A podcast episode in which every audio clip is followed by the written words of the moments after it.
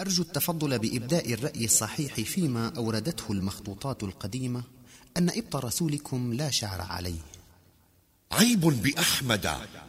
أم في الخلق نقصان؟ أم أن دسا جرى أوحاه شيطان؟ ظنوا المديح بنقص الشعر مفخرة. لو هذا حق لما للعين جفنان. يزعمون ذلك وما منشأ زعمهم إلا لعدم إدراكهم. ما أوجده الله من الكمال في خلق هذا الإنسان فكأنهم يرون أن الشعر تحت الإبط. وفي مواضع أخرى من الجسد إنما يخرج من تلقاء ذاته وأنه زائد لا فائدة منه. وكأن الفخر لشخص عدم وجود الشعر في جسمه. وردا على قولهم هذا نقول لنتصور آلة من الآلات التي اخترعها الإنسان. فهل يتصور أن تجد في هذه الآلة دولابا أو سنا أو لولبا زائدا لا عمل له؟ لا أجد حتما قطعة ليس لها وظيفة أو أي جزء منها. وتسلم بأن لكل جزء مهما صغر عمل ووظيفة. تسلم بذلك تسليما سواء أدركت أم لم تدرك الحكمة من وجود ذلك الجزء لأنك تعلم أن هذا الإنسان المفكر الذي اخترع هذه الآلة لا يتصور أن يصرف الجهد عبثا في إضافة جزء لا فائدة منه لهذه الآلة. فإذا كان هذا ظننا بالإنسان وهو ذلك المخلوق الضعيف فما ظننا برب العالمين؟ الذي خلق الإنسان من طين ثم سواه ونفخ فيه من روحه وجعل له السمع والبصر والفؤاد. هل هذا الخالق العظيم الذي خلق الكون كله على أبدع نظام وخلق الإنسان في أحسن تقويم؟ يوجد لهذا الإنسان أعضاء زائدة لا فائدة منها. لا شك أن العقل والمنطق الصحيح ينفي ذلك. ولكن ما فائدة الشعر في ذلك المكان تحت الإبط يا أخي؟ إن الشعر يؤدي وظيفة هامة للجسم بما يقوم به من مساعدته على التنفس وطرح الغازات المتراكمة فيه. كما أن له وظائف كلنا يعلمها بالنسبة للرأس والحاجبين والأجفان وباطن الأنف. أما الإبط فبما أنه كثير التعرق وحيث أنه أقل تعرضا للهواء من غيره من المناطق. ولذلك كثيرا ما يؤدي هذا العرق المندفع بسبب ما فيه من مواد إلى تعفنات وتخرشات وتولد الجراثيم. ولولا وجود الشعر تحت الإبط لتسربت هذه الجراثيم إلى الداخل وفعلت ما تفعل. غير أن الشعر بما يقوم به من الدفع المتواصل للغازات المتراكمة في الجلد إلى خارج الجسم يحول بسبب هذا دون تسرب العرق وما فيه من السموم إلى الجسم. وقد ندب الشارع إلى نتف شعر الإبط لئلا تتراكم عليه المواد المندفعة مع العرق فتسبب تلك التعفنات. مع العلم أن البقية الباقية تحت الجلد وهي المسماة ببصلة الشعرة.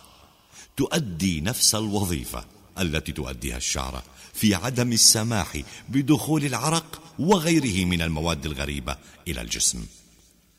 إن هذه الوظيفة التي يؤديها شعر الإبط في الحقول دون تسرب العرق للجسم إنما يؤديها أيضا الشعر النابت في العانة. وعند الشرش. فهو يمنع تسرب العرق في العانة والنجاسة المندفعة من الشرج إلى الجلد. وأن الشارع أمر بحلق شعر العانة حلقا لأن الحلق أنفع في هذه الجهة وأدعى للقوة.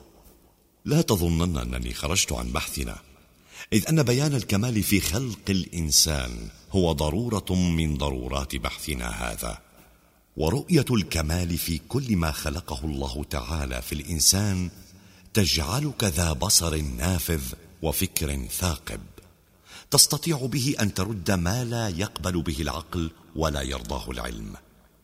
وتستطيع أن ترد قولهم بأن رسول الله صلى الله عليه وسلم ولد مختونا وأنه ولد مقطوع السرة وأن إبطه الشريف. لا شعر عليه لأنك أصبحت ممن يرى ذلك مخالفا لسنن الكون.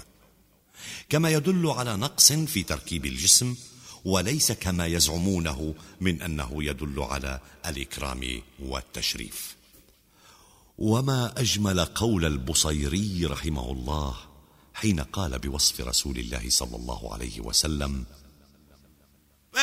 فاق النبيين في خلق وفي خلق. فاق النبيين في خلق وفي خلق. فاق النبيين في خلق وفي خلق ولم يدانوه في علم ولا كرم. ولم يدانوه في علم ولا كرم. وكلهم من رسول الله ملتمس غرفا من البحر أو رشفا من الديم. وكلهم من رسول الله ملتمس غرفا من البحر أو رشفا من الديم. فإن فضل رسول الله آه فإن فضل رسول الله ليس له حد. فإن فضل رسول الله ليس له حد. فيعرب عنه ناطق بفمي فيعرب عنه ناطق بفمي فهو الذي تم معناه وصورته. فهو الذي تم معناه وصورته. ثم اصطفاه حبيبا. بارئ النسم. ثم اصطفاه حبيبا بارئ النسم. أكرم بخلق نبي زانه خلق. بالحسن مشتمل بالبشر مبتسم. أكرم بخلق نبي زانه خلق. بالحسن مشتمل بالبشر متسم كالبدر في شرف. والزهر في ترف والبحر في كرم والدهر في همم. أكرم بخلق نبي زانه خلق. كأنه وهو فرد في جلالته في موكب حين تلقاه وفي حشم. أكرم بخلق نبي زانه خلق بالحسن مشتمل بالبشر متسم. بشرى لنا معشر الإسلام أن لنا من العناية ركنا غير منهدم.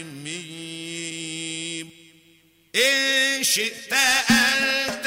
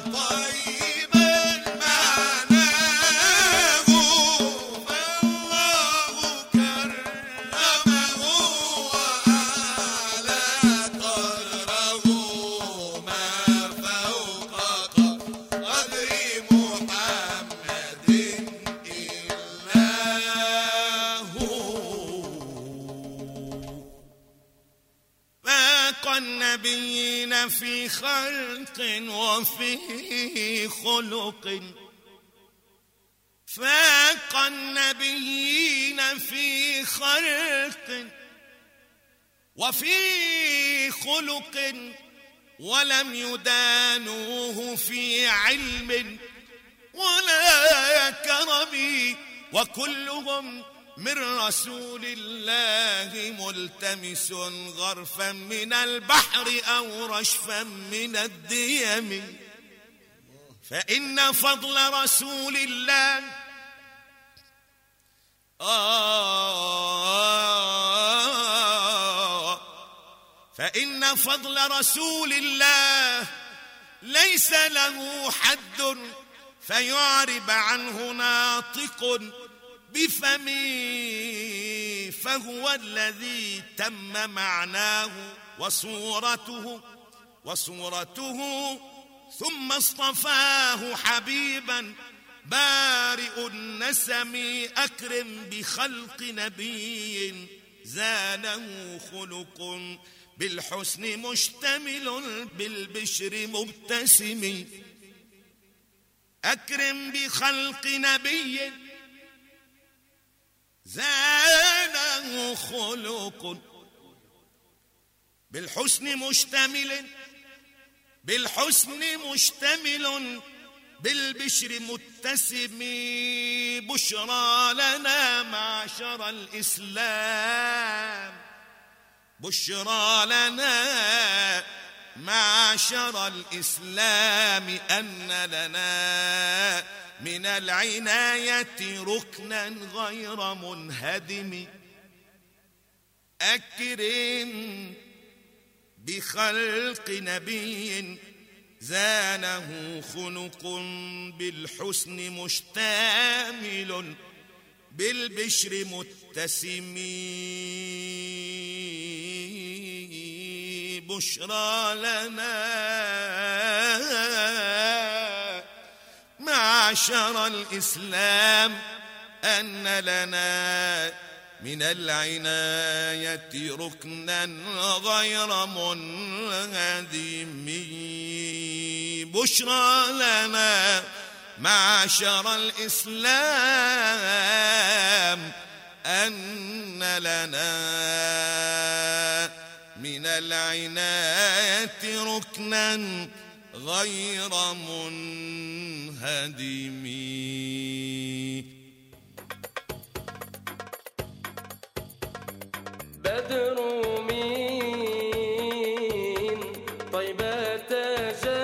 تطلب كتب فضيلة العلامة الإنساني محمد أمين شيخو من كافة مكتبات القطر للاطلاع على مزيد من علوم وأبحاث العلامة الجليل يمكنكم زيارة موقع علوم العلامة على شبكة الإنترنت.